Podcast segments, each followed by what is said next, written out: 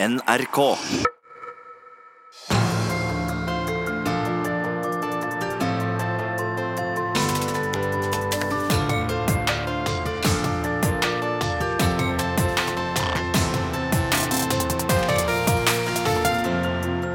I disse dager har den dødelige sykdommen rabies blitt påvist på det norske fastlandet for første gang på over 200 år. Dødsfallet til ei jente i 20-åra i Førde førte til pågang på reiseklinikker og legekontor av folk som ville vaksinere seg mot rabies. Samtidig breier skepsisen seg mot vaksinering i flere europeiske land. Såpass at Verdens helseorganisasjon har sett vaksinemotstand på lista over de ti største globale helsetruslene. Hvorfor er noen så sterke motstandere av vaksiner, samtidig som smittsomme sykdommer vi trodde var kvitt, er på vei tilbake? Velkommen til aktualitetsprogrammet disse dager på NRK P2. Programmet som tar et steg tilbake og ser etter de lange linjene i det tidvis fragmenterte nyhetsbildet. Velkommen både til deg som hører oss på radio eller podkast, og til publikum her på Skatten på Tøyen i Oslo. Stikk i strid med råda fra helsestyresmaktene er det foreldre som lar være å vaksinere barna sine mot smittsomme sykdommer av frykt for bivirkninger. Vaksiner og vaksineskepsis er tema for dagens utgave av Disse dager. For i år er det også ti år siden styresmaktene satte i gang massevaksinering mot svineinfluensa. Og til oss kommer tidligere helseminister Bjarne Håkon Hansen for å fortelle hvordan han opplevde å sette i gang massevaksinasjon mot en svineinfluensa ingen kjente omfanget av, med ei vaksine ingen kjente bivirkningene av. Det gjør også hun som vil innføre vaksine på både i barnehagene og tvangsvaksinere flyktninger. Han som mener at styresmaktene har seg sjøl å takke for vaksinemotstanden. Og han som har forska på den største pandemien av de alle her i landet, svartedauden.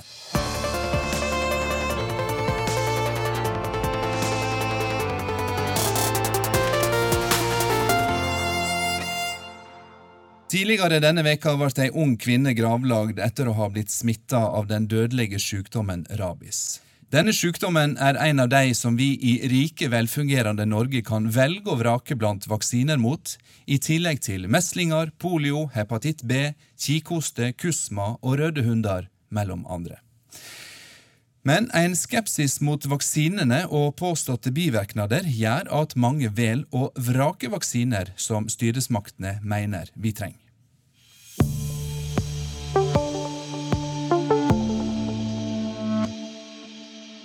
Jeg bare lurer Hva er ditt uh, synspunkt om uh, vaksine? Jo, jeg er for at man skal ta vaksiner. De som er tilgjengelige. Ja, det tyder jo på at uh, meslinger har fått store utbrudd igjen pga. litt vaksinenekt. Nei, Det er godt at vi har et godt uh, vaksinesystem i Norge. Det ivaretar helsa til den enkelte, og det ivaretar folkehelsa på en god måte. Nei, jeg, jeg er jo for det. Jeg syns det er rart at folk er imot det, egentlig. Hva er ditt syn på vaksina? Høyst nødvendig. Fordi det er snakk om at vi ikke må komme under den grensa på 95% som gjør at det kan bli farlig for de som heller ikke kan ta vaksine. Å være rundt barn som ikke har gjort det. Jeg syns absolutt alle skal ta alle nødvendige vaksiner. Hva er ditt syn på vaksine? At det burde være lovpålagt, egentlig. Fordi det blir jo, det blir jo sånn outbreak hele tida nå. Og barn som er for unge til å bli vaksinert, dør av det. Og ja, det er latterlig å ikke vaksinere barna sine, egentlig. Da bryr man seg ikke så mye om barna sine, vil jeg si. Ellers er man bare dum.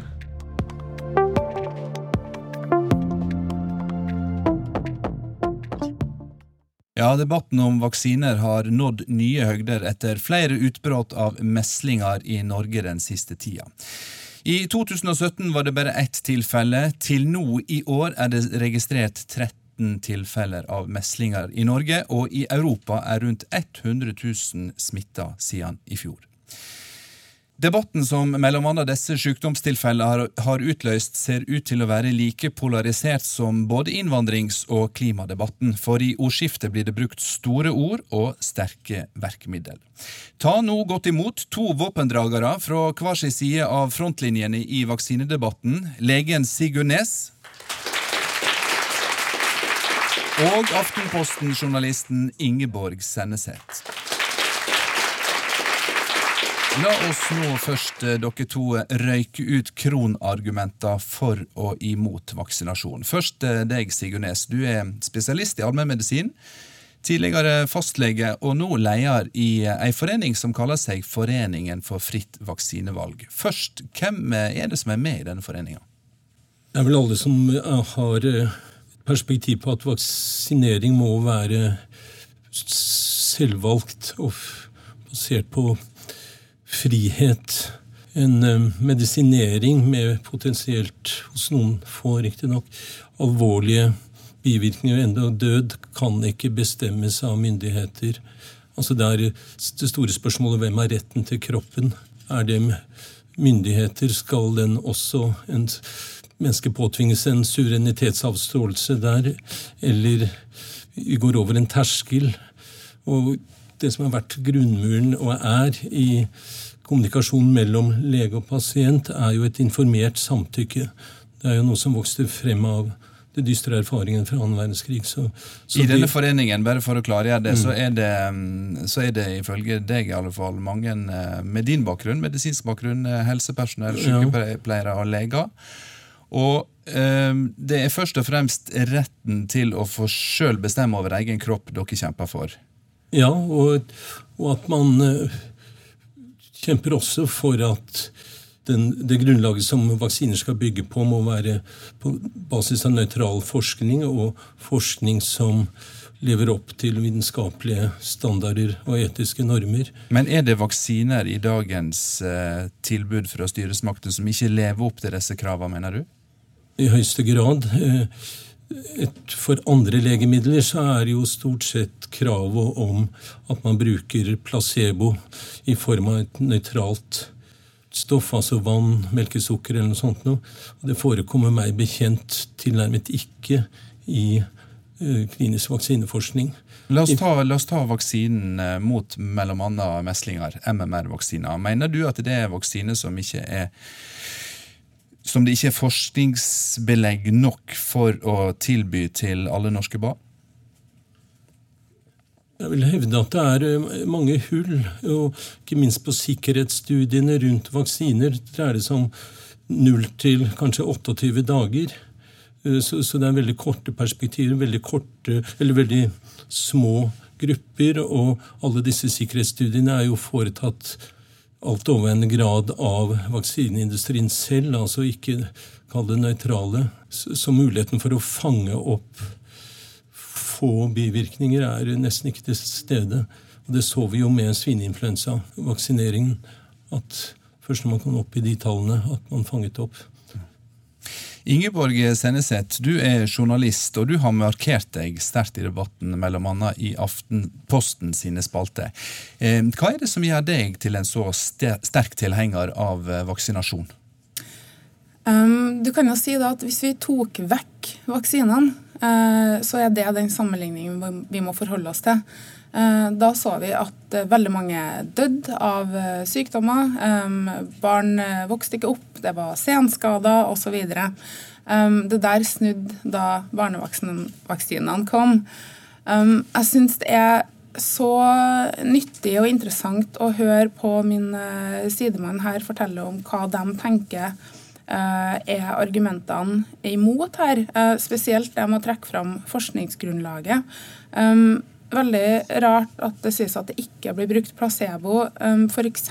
har vi HPV-studien som forska fram vaksinen mot livmorhalskreft. Uh, der var en del av studien da den ble gjennomført. Da ble det en større gruppe som var delt inn som fikk placebo, en som ikke fikk Eh, jeg vet at det fantes placebo i den studien, fordi at etter fire år med forskning så viser det seg at jeg var en av dem som fikk placebo. Eh, så jeg kan bekrefte både personlig, men selvsagt så er det viktigste at man ser på de store dataene, og der er forskningsgrunnlagene eh, lett tilgjengelig hvis man da setter seg inn i hvordan det fungerer. Så det tror jeg kanskje at det ikke har blitt gjort akkurat her.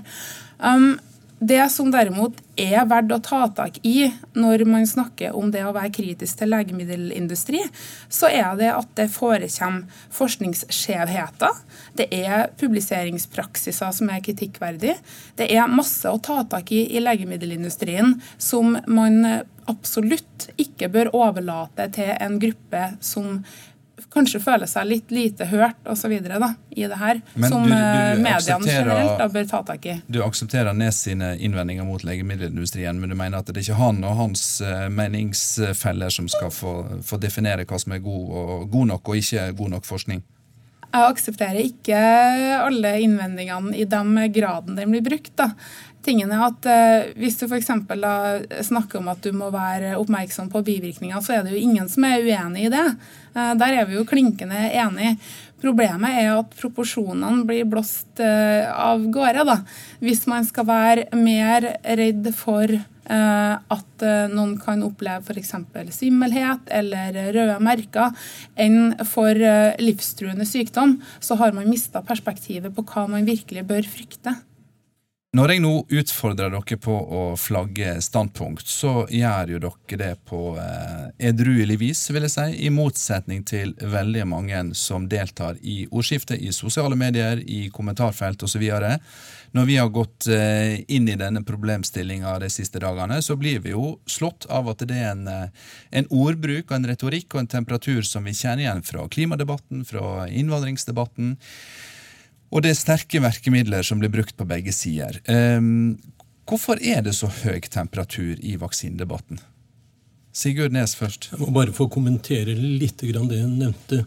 Det er en rekke myter på vaksineområdet, og et av de er at vaksinene er årsak til fallet i barnedødelighet når det gjelder de klassiske barnesykdommene. Et eksempel er at når amerikansk vaksineindustri og myndigheter introduserte meslingevaksinen i 1963, var dødeligheten av meslinger falt med hele 98 det er, For de andre barnesykdommene så er det litt lavere prosent, mellom 90 og 94 så, så, så det var helt andre årsaker. Eh, det var sosioøkonomiske forhold, ikke minst kommunale ingeniører osv. Så, videre. så, så Så det er en av mytene. Men siden du ikke svarer meg på spørsmålet, så går jo. jeg til Senneset ja. og så gjentar jeg spørsmålet. Hvorfor er det så høy temperatur i den debatten, eh, etter din mening, Ingeborg? Jeg skjønner godt at temperaturen blir høy, fordi at når jeg hører min sidemann eh, sitte og fortelle det norske folk ting som overhodet ikke er riktig, så kjenner jo jeg at jeg blir provosert. Men jeg tenker at det er ikke en grunn til å miste fatninga og gå løs på folk. Men vi må understreke igjen og igjen det som blir sagt her nå, at det er en myte at vaksiner ikke er et gode og ikke hjelper mot barnedødelighet, det er fullstendig feil og må aldri, aldri vikes bort ifra i en forvirring, selv når det kommer fra noen som har papirer på at de har utdanning innen medisin som langt overgår min utdanning. Men åpenbart så forholder jeg meg til forskning som er nyttig, i motsetning til min sidemann. Men videre derfra så må man hele tida klare å ha den roen og forstå det at her er det snakk om også svært bekymra foreldre. De skal ikke kalles dum. De skal ikke henges ut og shames for at de er bekymra. Altså, selvsagt blir du redd for at det skal skje noen ting med det mest dyrebare du har. Og det er da vi må klare å ta en fot i bakken og si at jeg hører din frykt. Jeg skjønner hvor den kommer fra, men sammen må vi finne fram til den gode løsninga som beskytter ikke bare ditt barn og din familie, men også andre. Og det er ekstremt viktig at vi klarer å ha det perspektivet og holde roen i det. Sigurdnes, eh, er det ikke slik at dersom vaksiner skal fungere, så er det et vilkår at mange eh, lar seg vaksinere for å bidra til å beskytte andre mennesker i samfunnet? Som medisiner så kjenner du vel prinsippet. Hvorfor mener du at eh, jeg og alle andre skal få bestemme dette sjøl? Det er en fundamental menneskerettighet å bevare eiendomsretten, for å si det sånn, beslutningsretten til eget legeme. Altså det dreier seg om den mest fundamentale integriteten vi står opp for. Og det fremstilles her, illustrerer veldig godt det Senneset sier. Man lager et bilde av at de som reiser faglig vitenskapelig begrunnede, kritisk pregete spørsmål, er ikke, har noen forskningsmessig basis og er sånn som det fremkom i stortingsdebatten 53. nå i år, hvor det var en ren mobbing av de som kommer med spørsmål av mer kritisk art. Eller som en professor sa, eh, at mitt store problem er hvordan skal jeg kunne fremme en vitenskapsbasert, forskningsbasert bekymring om vaksiner uten å bli stemplet som konspirasjonsteoretikere. Og det er den eh, hva skal jeg si, stemplingen om der vi må ut av. Vi må komme helt inn i det mer faglige, forskningsmessige diskusjonene, og ikke tegne sånne sort-hvitt-bilder av hverandre, eller som jeg prøver å unngå. Men hvis vi skal ha en forskningsdebatt, da må vi faktisk ha de samme kriteriene. Jeg forstår ikke hvorfor det ikke er mulig å diskutere ut ifra de felles faktaene vi har. Det lages et bilde av at dere har den ene løsninga som ingen andre har skjønt. Hvorfor er det ingen andre det, det er... som har skjønt det? Vi har jo felles interesser. Vi vil jo alle at barn skal ha det bra. Ja, det er jo en hel forutsetning, men bare vi kan illustrere du benekter det historiske faktum som står i medisinske lærebøker, som jeg også hadde, rundt dette med fallet i barnedødelighet før vaksine ble satt inn. Ikke sant? Så det, eh, så, så, og det er studier på studier som viser at andre forestillinger og bekymringer må, må kunne reises uten å få den stemplingen. Vi, vi, skal, vi, skal, stoppe dere to der, fordi ja. vi skal videre i disse dager for å gå dypere inn i debatten. Nå skal jeg si takk til deg, Ingeborg Senneset. Du har åpenbart mer å snakke med Sigurd Nes om etterpå. Du Sigurd, skal få være med oss eh, litt videre i sendinga.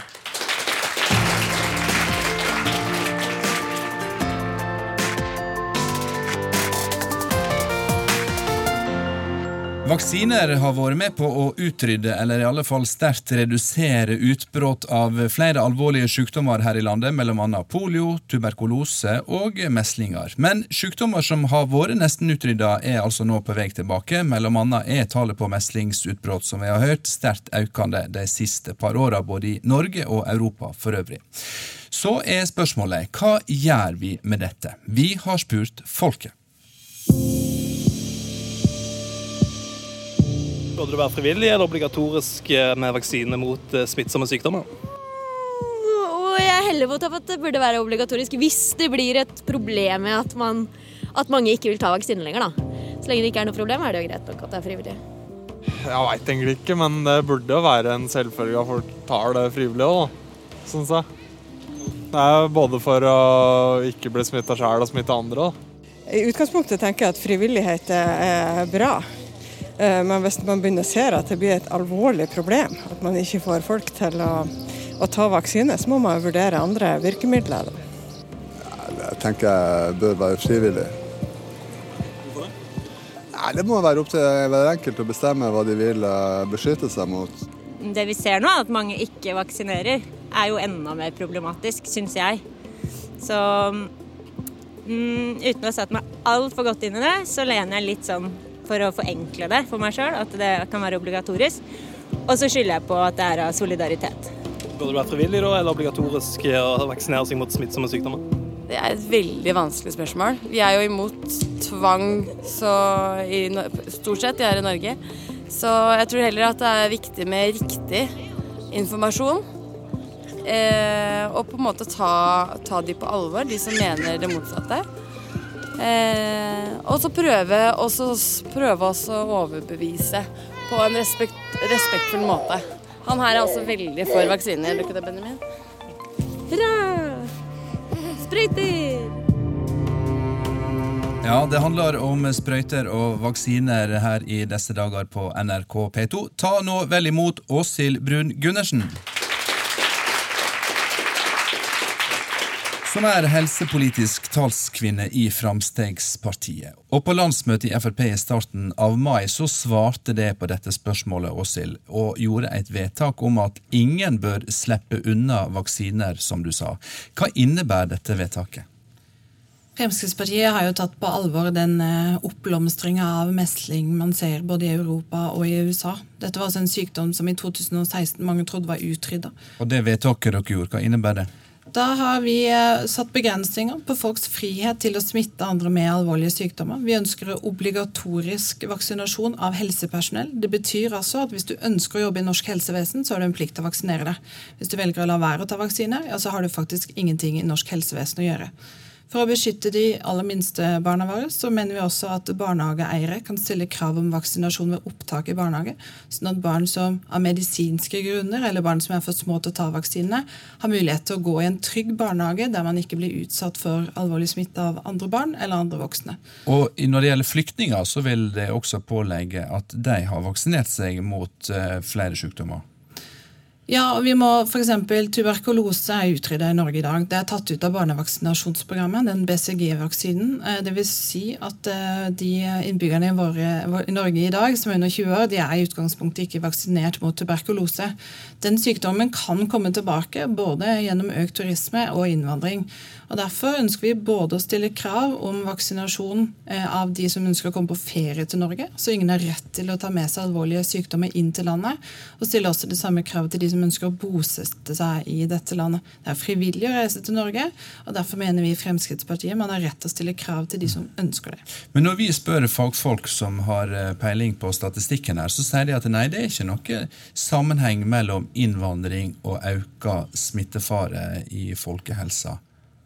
Ikke i dag, men det er over 100 land i verden som har forhøya risiko for tuberkulose. Norge har det per definisjon ikke. Så det kan skje, mener du? De får dere gjerne til vedtaket? Våre ungdommer er ikke vaksinert mot dette. I dag, så For å beskytte det for en ny epidemi med tuberkulose i dette landet, så mener vi at vi skal forhindre at den sykdommen blir importert til landet, enten gjennom turisme eller innvandring. og Derfor stiller vi krav til de som ønsker å besøke dette landet. Er dette vedtaket som gjelder vaksinasjon av flyktninger, et uh, helsepolitisk vedtak og folkehelsevedtak, eller er det et innvandringsregulerende vedtak? Vi har jo i landsmøtet vårt åtte konkrete tiltak. Vi mener at den største utfordringa rundt eh, vaksinasjonsdekninga i Norge i dag er tredelt. Det er vaksinemotstand, det er turisme og det er innvandring. I dag så har man eh, helsekontroll av alle innvandrere og flyktninger, særlig knytta til tuberkulose eh, i dag, men vi mener at den helsekontrollen må gjøres fortere. Hvis man altså kommer på et eh, asylmottak i Norge og er smittebærer, så blir fort den eh, spredninga spredt eh, til andre som uskyldig mottar den, og det mener vi må være begrensa. Altså, vi setter krav om at den helsesjekken og vaksinasjonen må skje innen tre dager etter ankomst for å hindre spredning av nye alvorlige sykdommer vi ikke har i Norge i dag.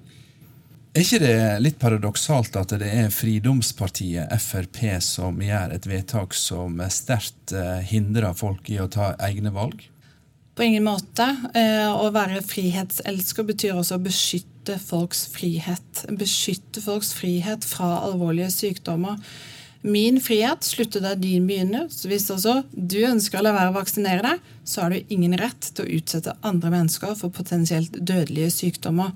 Så vi har ikke eh, vedtatt obligatorisk vaksinering, men vi innfører en rekke tiltak som begrenser din mulighet til å smitte andre med dem. På landsmøtet så sto det en gjeng utenfor Frp sin møtesal og delte ut eh, løpesedler, og det var deg, Sigurnes, og andre fra Foreningen for fritt vaksinevalg.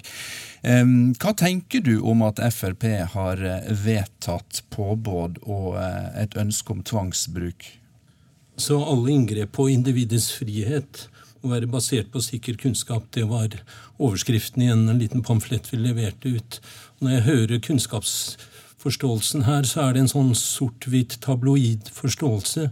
Hvis man hadde 100% vaksinert alle mot meslinger, så vil vi fortsatt ha meslingutbrudd. Vi kjenner Kina ligger jo på 99% har meslingutbrudd. Eh, så, så, så, det er svakheten ved dagens vaksiner. Så det er et eh, Og når det gjelder Jeg hører om tuberkulose. For noen få dager siden så var det i Dagsavisen et innlegg fra Landsforeningen for hjerte- og lungesyke International eh, som poengterte at de BCG-vaksinene er tilnærmet ikke virksom. Og, og, og Derfor blir det et paradoks, den argumentasjonen her. Og i lys av den faktakunnskapen, og ikke minst manglende kunnskapen vi har, så, så, blir det jo veldig underlig at Frp, som i sin formålsparagraf har som bekjempelse, det står bokstavelig talt, offentlig inngrep, går for det mest ultimate inngrep av alle. Så, så det Men det, ja. apropos inngrep, for du Åshild, har sagt eh, om helsepersonell som ikke vil vaksinere seg, så har du sagt at eh, hvis du eh, nekter å vaksinere deg, så har du rett og slett ikke noe å gjøre i det norske helsevesenet. Er det nødvendig å ordlegge seg så, eh, så bastant som dette?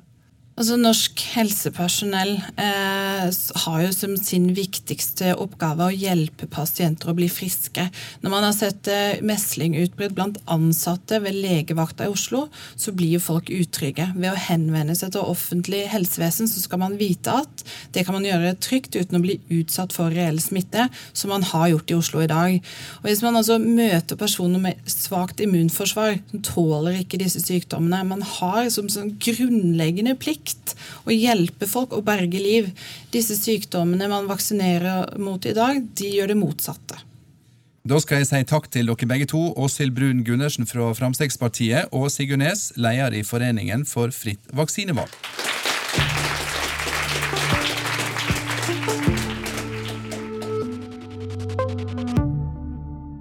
Pest eller kolera er et uttrykk som skal illustrere det vanskelige valget en av og til må gjøre mellom to onder.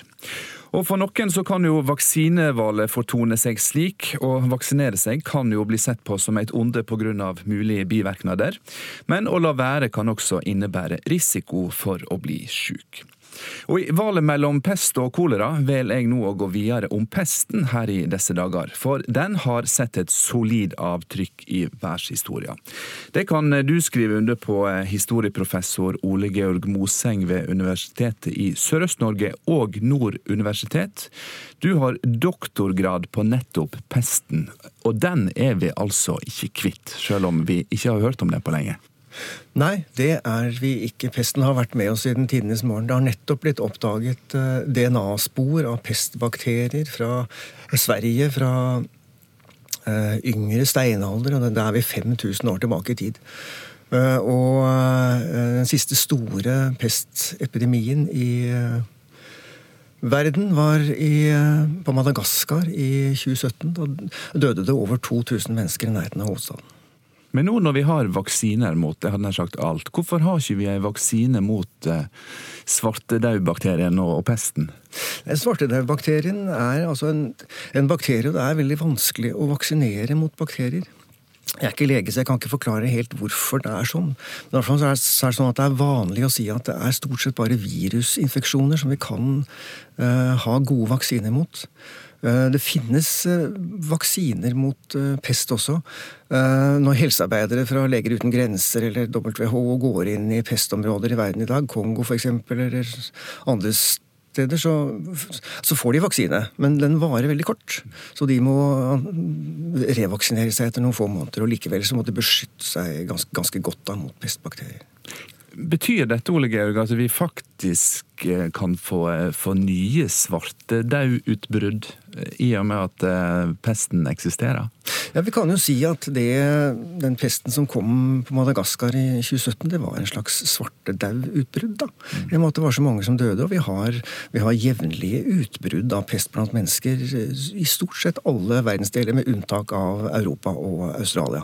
Hvis vi nå skulle gjøre et tankeeksperiment, da, Ole Georg. Eh, la oss si at vi hadde en vaksine mot svartedauden eller i alle fall fikk begrensa dødeligheten kraftig. Hvordan hadde vårt samfunn sett ut da hvis vi ikke hadde mista over halvparten av folket i pesten? Det er så vanskelig å si. Men nå må vi jo si da at uh, svartedauden var jo bare den første av en lang rekke rekke med pestepidemier som ramma Europa i, eh, i seinmiddelalderen, og e-, egentlig helt fram til begynnelsen av 1700-tallet. Mm. Altså mellom 1350 og 1500 så døde det antagelig mer enn 60% av befolkningen. Så det var hvor mange snakker vi om da? lavere. Ja, I Norge så hadde vi vel eh, kanskje i overkant av en halv million mennesker i Norge på 1340-tallet. Så var det igjen eh, omkring 1500, så kan vi telle opp. Da var det altså da litt under Litt over 200 000 mennesker som var igjen da. Men hva førte reduksjonen i befolkning til? Ehm, mange døde. Vi ble sittende igjen med en drøss med gardsbruk som fikk navnet Ødegard. Ja. Eh, og det etternavnet hadde vi kanskje ikke hatt i samme grad i dag. Men sånn ellers for samfunnet vårt, hvordan hadde det sett ut hvis svartedauden ikke hadde tynna ut i rekkene såpass kraftig? Nei, altså, vi kan jo si at I løpet av senmiddelalderen så endrer jo det europeiske samfunnet seg veldig radikalt. da. Altså, Hvis vi ikke hadde hatt denne befolkningsreduksjonen, hvordan ville folketallet ha sett ut da? Så Hvis vi hadde hatt 500 000, da, i, og så ville vi i løpet av 1400-tallet kanskje da økt enda mer, til la oss si 600 000, og så vil- ville den der eh, kurven eh, sett sånn eksponentielle ut, men vi blitt raskere og raskere, sånn som vi ser i, i moderne tid. Så det hadde vært et, hadde vi hatt et helt annet folketall i Europa.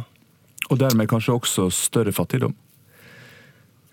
Ja, og kanskje også større forskjell på fattige og rike. Og det som var typisk for Europa i eh, middelalderen, før pestene, det var dette her systemet som vi kaller for føydalt. Vil si at det var noen eh, velstående adelsaristokrater som hadde fått jord av kongen som motytelse mot at de skulle stille med militær slagkraft når kongen skulle gå til krig.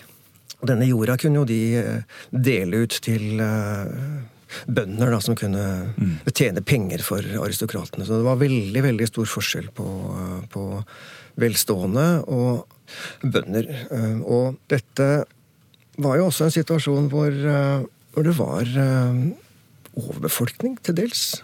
Altså at eh, det var knapphet på ressurser. Mm. For da svartedauden hadde herja ferdig og 60% av innbyggertallet i Norge lå døde, så eh, hvis en skal prøve å se positivt på det, da, så ble det frigjort eh, mye jord, mye land, til de som var igjen, og dermed så fikk de mer å leve av, og levde på den måten bedre etterpå.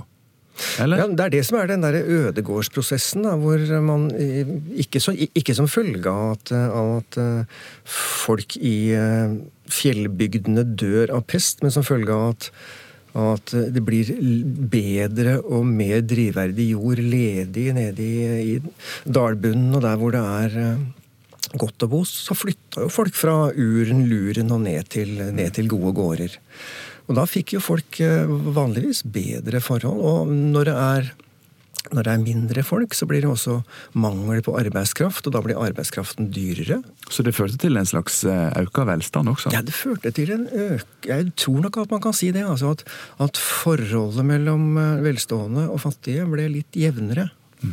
Og så kommer jo også da dette at eh, dette aristokratiet mister på en måte mye av det økonomiske fundamentet sitt. Og det betyr jo også at de mister sosiale, politiske og økonomiske posisjoner. Hvem kommer da? Jo, da kommer borgerskapet inn. Så Europa blir mer egalitært og veldig annerledes organisert. Her er noe som kommer med den utviklingen. Vi veit jo aldri om dette ville ha skjedd om ikke pesten hadde rammet Europa, men vi veit at det skjedde ganske dramatiske endringer i seinmiddelalderen. Ja, da kan vi iallfall slå fast at eh, svartedauden eh, forma ikke bare Norge, men eh, også Europa. Og prega kontinentet for all ettertid. Og vi vet at pesten fremdeles eksisterer på kloden. Men når det gjelder andre pandemier, Ole Georg, som har forma samfunnene våre, hva kan vi nevne da? Ja, Hvis vi skal snakke om vaksine, så vil jo vaksinasjonsprogrammene mot kopper være det aller fremste eksempelet. På slutten av 1700-tallet, omkring eh, 1796, så var det noen eh, luringer i England som fant ut at man kunne gi folk en liten dose med en, et puss fra en sykdom som ble kalt for kukopper. Og som ligner så mye på de farlige koppene at det faktisk gir immunitet. Og så ble dette her eksperimentert fram med ganske sånn avanserte vitenskapelige metoder. Og så, hoppet jo alle, alle europeiske statsledere på denne muligheten da, for første gang i verdenshistorien å ha et effektivt middel mot en, en fryktet sykdom. Så i løpet av i hvert fall før 1850 så var nesten ikke noen koppetilfeller i det hele tatt igjen i Europa. Og de som har levd ei stund, de husker jo å ha sett mennesker med fysiske hva skal vi si, skavanker, fysiske merker etter polio. Som eh, var ei stor plage for barn eh, opp på 50-tallet. Polio var også en viktig sykdom, fordi den ramma eh, sånn helt uventa. Man hadde kvitta seg med kopper, men så kom polioen. Og da viste det seg da at det var jo en sykdom som rammet veldig hardt, og folk fikk betydelige langtidsvirkninger. Men så ble det da utvikla vaksine mot polio også.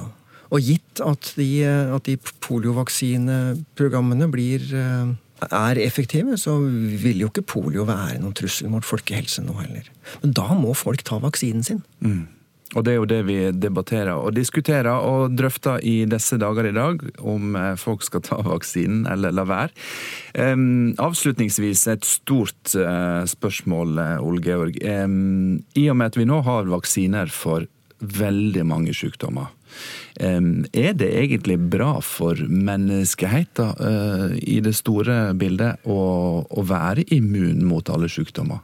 Er det bra for kloden? Hva er alternativet? Alternativet vil være å la f.eks. en koppeepidemi herje vilt. Det som ville skje da, var jo at vi ville få en, uh, en befolkning hvor en stadig større del av den voksne befolkningen vil være immune, mens barna vil være utsatt. Hvis vi da har jevnlige koppeepidemier, så vil det faktisk kanskje 20-30% av de barna som får denne sykdommen, dø, da. Er det noe som du er interessert i å risikere? Vil det ikke være bedre da å ha et effektivt og noenlunde sikkert vaksinasjonsprogram som gjør at barna dine overlever? Det er ikke noe alternativ, altså. Eh, jeg tenker at vaksinasjonsprogrammer er en av de viktigste framskrittene som legevitenskapen har gjort. Og det er ingen som helst grunn til å unnlate å være med på dem. Vi har riktignok hatt noen eksempler på noen bivirkninger. Og under svineinfluensaen så, så, ble det gitt vaksine som ikke var skikkelig utprøvd. Og det hadde noen ganske alvorlige bivirkninger. Mm. Vi skal snakke mer om svineinfluensaen i disse dager. Nå har vi fått et vektig argument inn i vaksinedebatten fra en som eh, har historiske argumenter å slå i bordet med. Tusen takk for at du var med i disse dager, eh, professor i historie Ole Georg Moseng. Du hører NRK P2.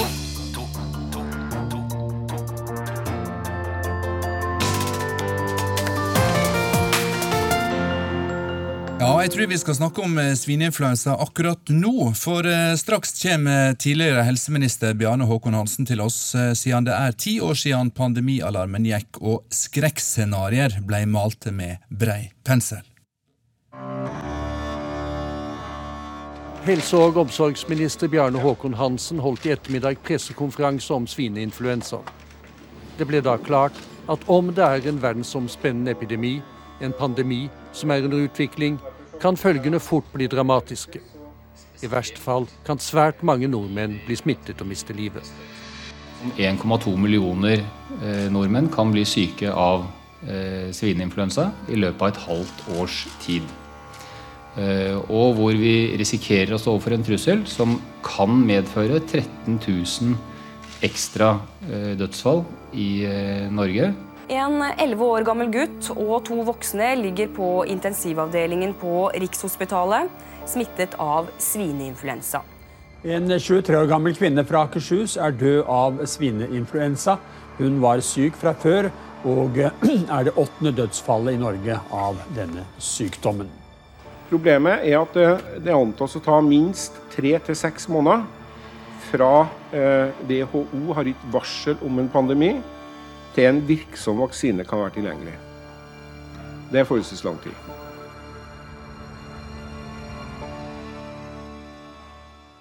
Ja, det hørtes nesten ut som om dommedag var like om hjørnet, og fremst i rekka av skal vi si, dommedagsprofetene sto du, Bjarne Håkon Hansen. Velkommen til oss. Du var altså helseminister den gang for eh, ti år siden, da svineinfluensaene kom over landegrensene. Var det sånn sett i ettertid nødvendig å male fanden på veggen slik som dere gjorde? Eh, Nei, sett i ettertid så var det jo ikke nødvendig. Eh, Men det, vi, vi, vi så det jo ikke i ettertid når vi sto opp i situasjonen. Det er jo en evaluering som er ganske lett å foreta i dag. Eh, Men den gangen så følte jeg jo absolutt på eh, alvoret.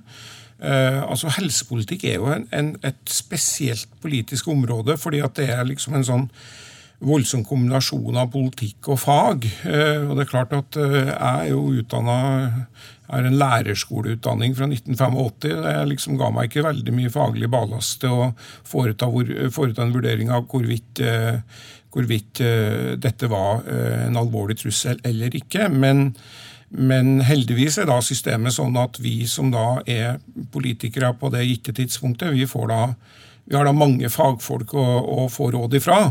Og, og den første du hørte i det innslaget du nettopp sendte, var jo daværende helsedirektør Bjørn Inge Larsen, som jo da var eh, landets fremste helsebyråkrat, som jo var veldig tydelig overfor meg på at her må du ikke ta sjansen på å ikke gjøre noe. Og det var det, det vil jeg si at det var aldri mine tanker heller, at jeg da skulle sitte med min lærerskoleeksamen og si at uh, sorry, folkens, men det her uh, det tror jeg ikke blir så alvorlig som dere uh, påstår. Men var, du det var, du grunn til å høre på rådene. Bjarne Håkon Hansen, du var ansvarlig som helseminister, og nå ti år etterpå sier du at det var rådgiverne mine som, som ba meg om å gjøre Nei, jeg prøver ikke å stikke fra ansvaret. Det, det, det har jeg ikke noe behov for. Men, men, men jeg bare prøver å utfordre deg til å tenke alternativet. Altså at, vi, at eh, rådene har vært entydige i retning av vaksinering og alle, alle de andre tiltakene vi gjorde.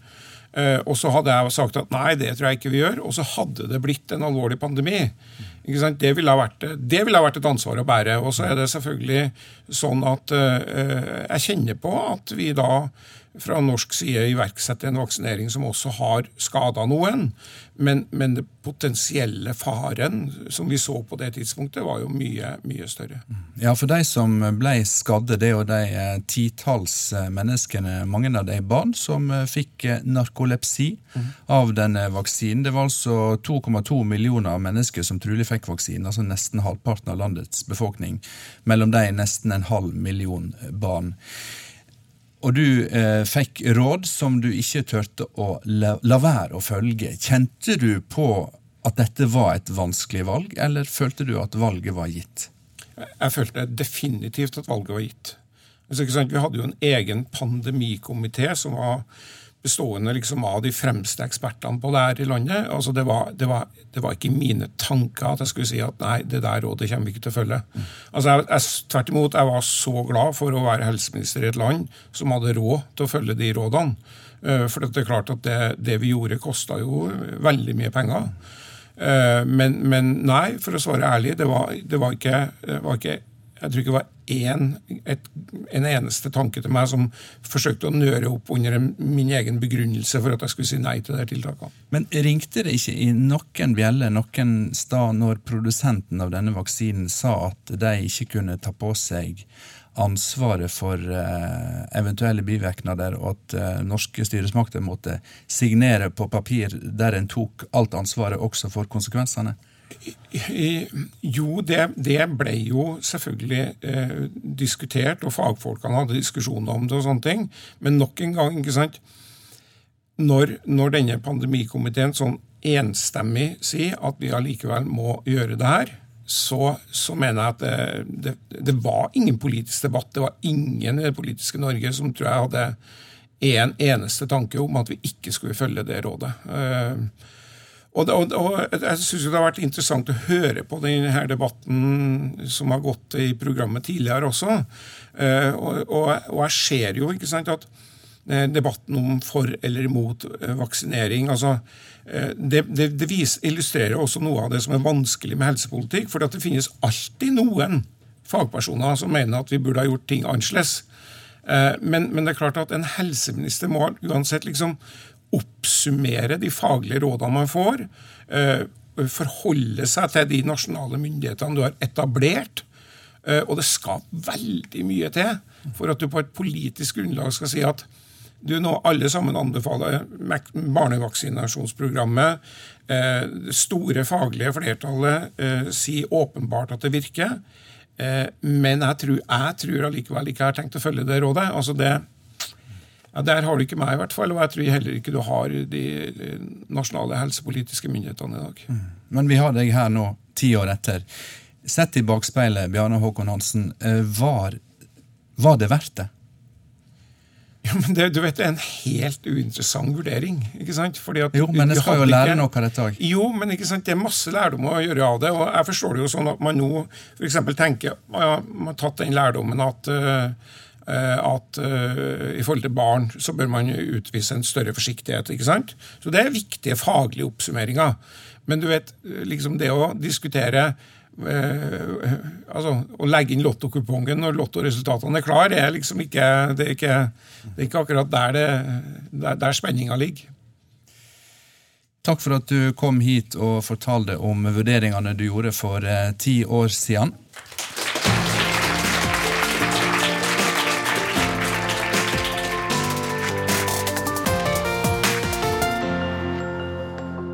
En av de som eh, Bjarne Håkon Hansen hørte på råda til, eh, var den gang divisjonsdirektør i Folkehelseinstituttet og heter Hanne Nøkleby. Velkommen. Og ved siden av professor i medisinsk etikk Jan Helge Solbakk. Vi begynner med deg, Hanne, som en av rådgiverne til helseministeren. Hva er det viktigste du har lært etter håndteringa av svineinfluensaen?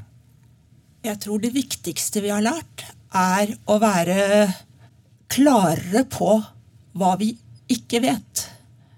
Vi ventet jo med å vaksinere til vi visste at 10 000 personer hadde fått denne vaksinen og var blitt fulgt opp i en periode. Men det er klart at eh, skulle vi lært noe om eh, narkolepsirisikoen, f.eks., så måtte vi vaksinert 50 000 barn og ventet i minst et halvt år. Og det ville ikke være mulig. Så det kan være ting vi ikke vet. Og en annen gang så må vi være enda mye tydeligere på at det er usikkerheter. Når det er sagt, så sto vi jo overfor en sykdom som bl.a. ga alvorlig sykdom og dødsfall hos nettopp barn og ungdom. Og det var jo noe av det som gjorde at vi anbefalte folk å la seg vaksinere. Begikk du og de andre som helseminister Hansen hørte på ei unnlatelsessynd ved å ikke fortelle alt dere ikke visste? Eh, det er veldig vanskelig å fortelle alt man ikke vet, for det vet man jo ikke. Men dere visste men, at det var mye dere ikke visste? Men det er klart at uh, en sånn type bivirkning som kommer et halvt år etter, det hadde vi aldri sett på noen vaksine noen gang. Så det var noe vi ikke forestilte oss. Nå kan vi forestille oss det. Var det ingen som sa at denne vaksinen kan gi narkolepsi? Nei, det var det ikke. Da skal vi høre med sidemannen Jan Helge Solbakk, professor eh, i medisinsk etikk. Du er både teolog, lege og altså professor. Eh, var det noen som du vet om som sa at dette kunne gi narkolepsi? Det var flere advarsler mot det. Men la meg starte med å si det er viktig å huske at det finnes ufarlige smittsomme sykdommer, og det finnes livsfarlige smittsomme sykdommer. Det finnes virksomme vaksiner, og det finnes uvirksomme vaksiner. Og Det gjør at dette feltet blir så komplisert. Men i debatten om svineinfluensaen så var det flere av oss som trakk frem erfaringer fra et forskningsprosjekt som ble gjennomført i USA noen år tidligere, som tydet på at denne typen vaksine kunne gi narkolepsi. Nå skal vi la svineinfluensaen ligge litt, selv om den for så vidt henger sammen med neste spørsmål. For vi har eh, snakka om vaksineskepsis til nå i disse dager. Og Jan Helge Solbakk, du mener at eh, vaksineskepsisen den har styresmaktene delvis seg sjøl å takke for. Vi må ikke glemme at det var også en stor vaksinekampanje på slutten av 80-tallet. Eh, da man prøvde ut en vaksine mot eh, meningitt. Eh, det var også en prosess hvor myndighetene ikke var flinke nok til å informere om mulige risiko forbundet med denne vaksinen.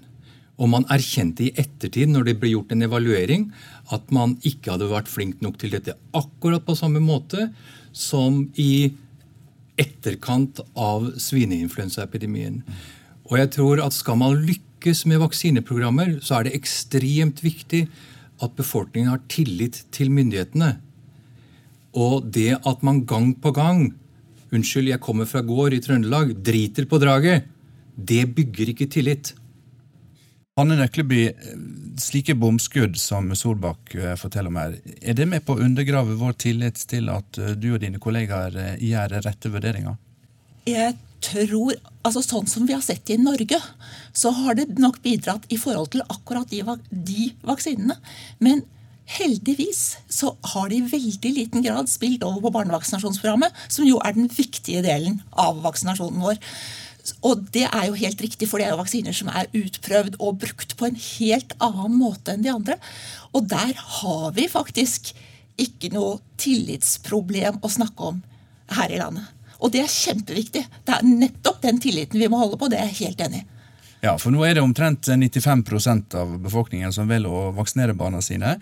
Og så snakker vi likevel om en vaksineskepsis, bl.a. fordi vi ser den tydelig i Europa. Hva mener du som eh, folkehelseekspert er rette måten å håndtere skepsisen mot vaksiner på? Det er faktisk 97% av alle toåringer som har fått alle vaksinene.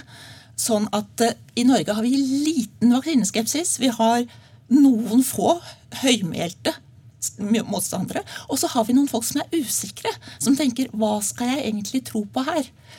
Og jeg tror at den beste måten å få dem til å skjønne fordelen i vaksinasjon, nettopp er å bygge på den tilliten vi har til helseinstitusjonene, men kanskje særlig til lokalt helsepersonell, til helsestasjonene. Og jeg tror at hvis vi kom med påbud f.eks. om vaksinene, så ville vi risikere at den tilliten begynte å vakle. At folk begynte å si eh, hvorfor må de komme med påbud?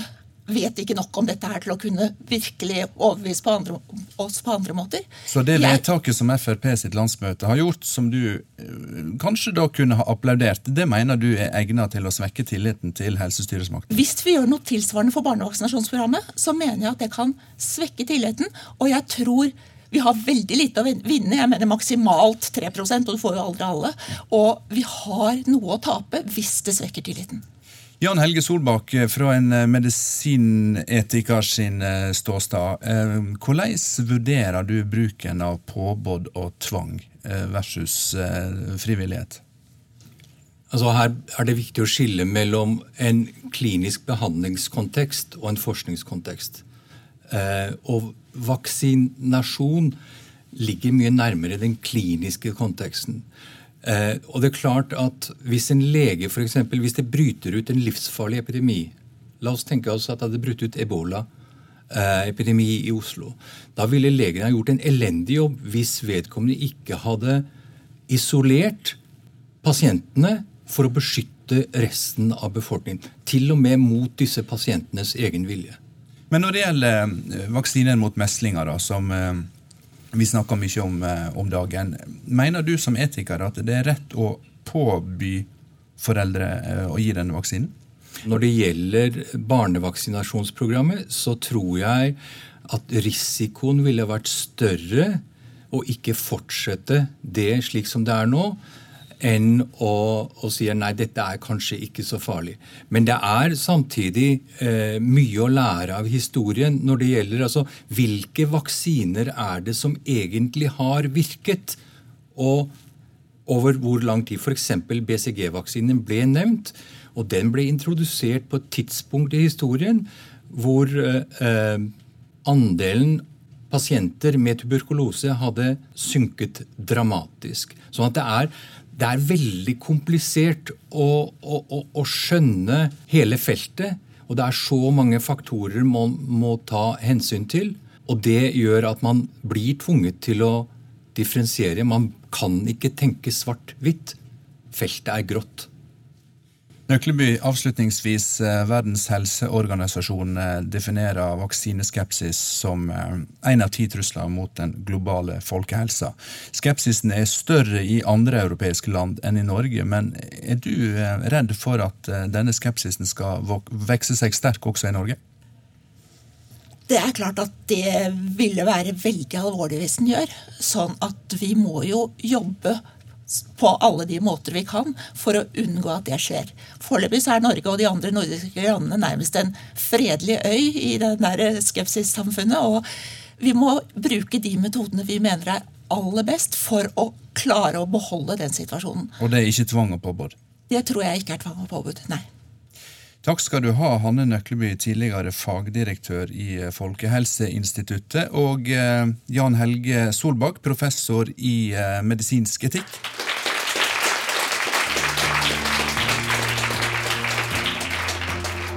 Takk også til publikum her på Skatten på Tøyen, og takk til de som var med å lage denne sendinga. Reporter som vanlig Ola Solheim, teknisk ansvarlige Geir Døhli Gjersjø, Hellige Torsdatter Svensson og produsent Ragnhild Vartdal. Jeg heter Håkon Haugsbø, takker for følget, og oppmoder deg om å sende oss en e-post på disse dager krøllalfa nrk.no. Møt gjerne også opp som publikum. Du finner invitasjonen vår på Facebook. Ha det bra.